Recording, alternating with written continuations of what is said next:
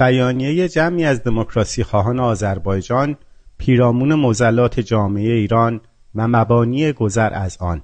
مورخ هفت نه 1401 ما به عنوان جمعی از دموکراسی خواهان آذربایجان حل موانع و مشکلات ذیل را برای توسعه همه جانبه کشور ضروری می‌دانیم که این راهکارها میبایست بر مبنای موازین بین المللی و رعایت اعلامیه های جهانی حقوق بشر، حقوق زبانی، حقوق افراد متعلق به اقلیت های ملی، مذهبی و زبانی، میثاقهای بین المللی حقوق مدنی سیاسی، حقوق اقتصادی اجتماعی و فرهنگی، کنوانسیون های رفع هر گونه تبعیض علیه زنان، رفع هر نوع تبعیض نژادی، حقوق کودک، میراث فرهنگی و طبیعی جهان، عدم تبعیض در آموزش و پرورش و حفاظت از محیط زیست مصوب سازمان ملل متحد و سازمان یونسکو مورد تدقیق،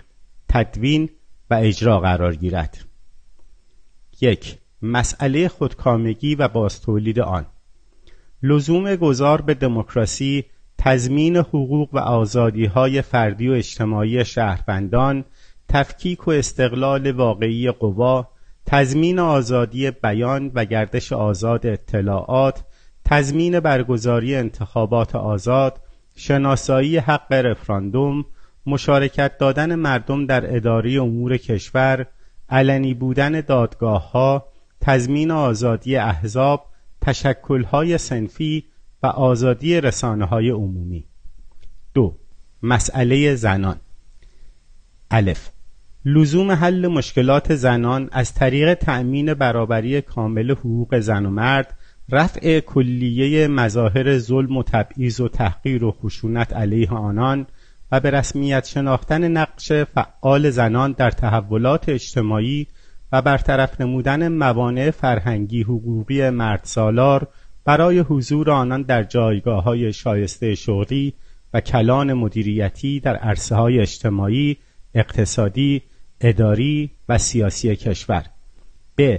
تأکید ویژه در مورد زنانی که در معرض انواع تبعیض‌های در همتنیده نژادی، زبانی و طبقاتی قرار دارند و از تأثیرات مرکب آنها دچار رنج مضاعفی هستند و لزوم اعمال تبعیض مثبت برای رهایی از تضییق و تضییع حقوق اجتماعی سیاسی اقتصادی و قانونی آنان 3. مسئله جوامع فرهنگی و ملیت ها الف. ایران متعلق به همه ایرانیان است. لذا همه جوامع فرهنگی و ملیت های ایرانی باید متساوی الحقوق باشند. زبان و فرهنگ هر یک باید مورد حمایت عادلانه و بدون تبعیض قرار گیرد. آموزش زبان مادری و آموزش به زبان مادری حق مسلم همه انسان هاست ب. لزوم تحول اساسی در ساختار اداری و سیاسی کشور از سیستم متمرکز به سیستم فدرالیسم دموکراتیک با تشکیل ایالتهای مختلف. این مهم از طریق تأسیس مجالس ایالتی و نهادهای اداری سیاسی محلی رفع کلیه تبعیضهای اقتصادی و فرهنگی و مشارکت دادن ملیتها در تصمیم گیری های کلان و اداره کشور قابل تحقق است. چهار. شکاف مرکز پیرامون. لزوم رفع هر گونه تبعیض از مناطق محروم پیرامونی از طریق اعمال تبعیض مثبت به نفع مناطق محروم و ضرورت سرمایه گذاری و توسعه زیرساختها در راستای محرومیت زدایی در این مناطق. پنج. بحران زیست محیطی. لزوم احیا و حفاظت محیط زیست و ممانعت از تخریب آن. مقابله با آلودگی منابع طبیعی خشک شدن دریاچه ها و تالاب ها فرسایش خاک کویرزایی افت آبهای زیرزمینی و فرونشست دشت ها که علاوه بر عامل جهانی تغییرات اقلیمی عمدتا ناشی از اجرای سیاست های نامتوازن توسعه رشد بیرویه جمعیت و توسیع نامتناسب آن می باشد ب. با توجه به اینکه مهمترین بحران محیط زیستی ایران بحران آب است که تبعاتی از جمله بروز درگیری بین ساکنان حوزه های مختلف آبی و مهاجرت های اقلیمی را در پی دارد لذا حلان بایستی در اولویت برنامه ریزی های کلان کشور قرار گیرد. 6. مسئله جوانان و شکاف سنی ضرورت توجه به جایگاه جوانان در امور اجتماعی پرهیز از تحمیل هر گونه سیاست مداخل گرایانه برای تحمیل سبک زندگی خاص تأمین امنیت و افزایش امید نسل جوان اصلاحات بنیادی در نظام آموزشی و تأکید بر عدالت آموزشی تجدید نظر در نحوه خدمت نظام وظیفه و سرمایه گذاری برای پرورش استعدادهای نسل جوان. هفت بحران اقتصادی و شکاف طبقاتی.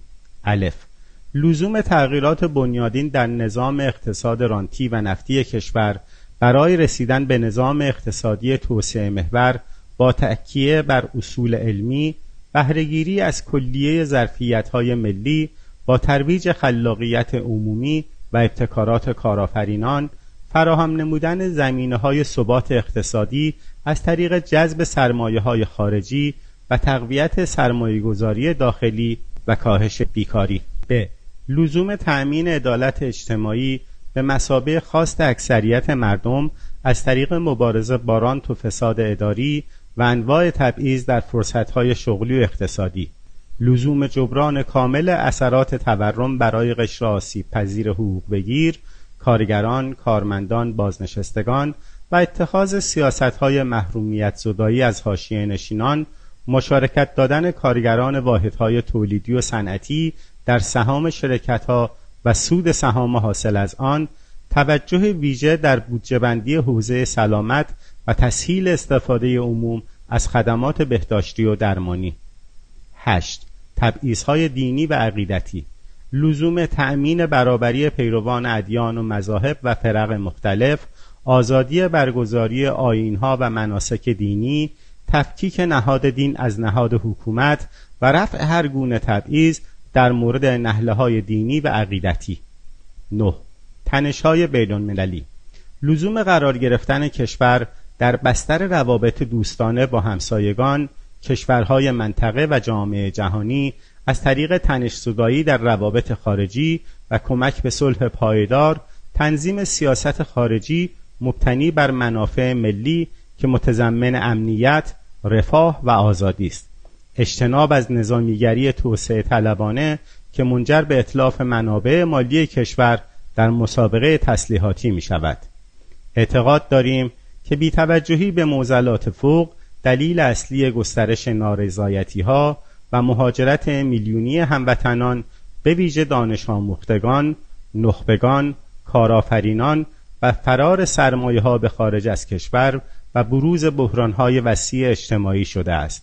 بحران هایی که هر از گاهی به اعتراضات وسیعی منجر می شود و هر بار نیز شکاف مردم با حکومتگران را عمیقتر می سازد. بر این باوریم نیروهای صدیق و مردمی که می توانند در سپهر سیاسی کشور نقشی بر عهده گیرند باید در راستای شناخت مسائل و معضلات فوق قدم برداشته رویکرد و سیاستگذاری های خود را معطوف به ارائه راه حل یکایک این مسائل برای پشت سر گذاشتن آنها نمایند ما به عنوان جمعی از دموکراسی خواهان آذربایجان ضمن دعوت از هموطنان عزیز جهت اتحاد حول محورهای فوق آمادگی خود را برای هر گونه همفکری و همکاری در این موارد به خصوص مسائل اقوام و ملیت‌های ایرانی و مسائل خاص آذربایجان اعلام می‌داریم.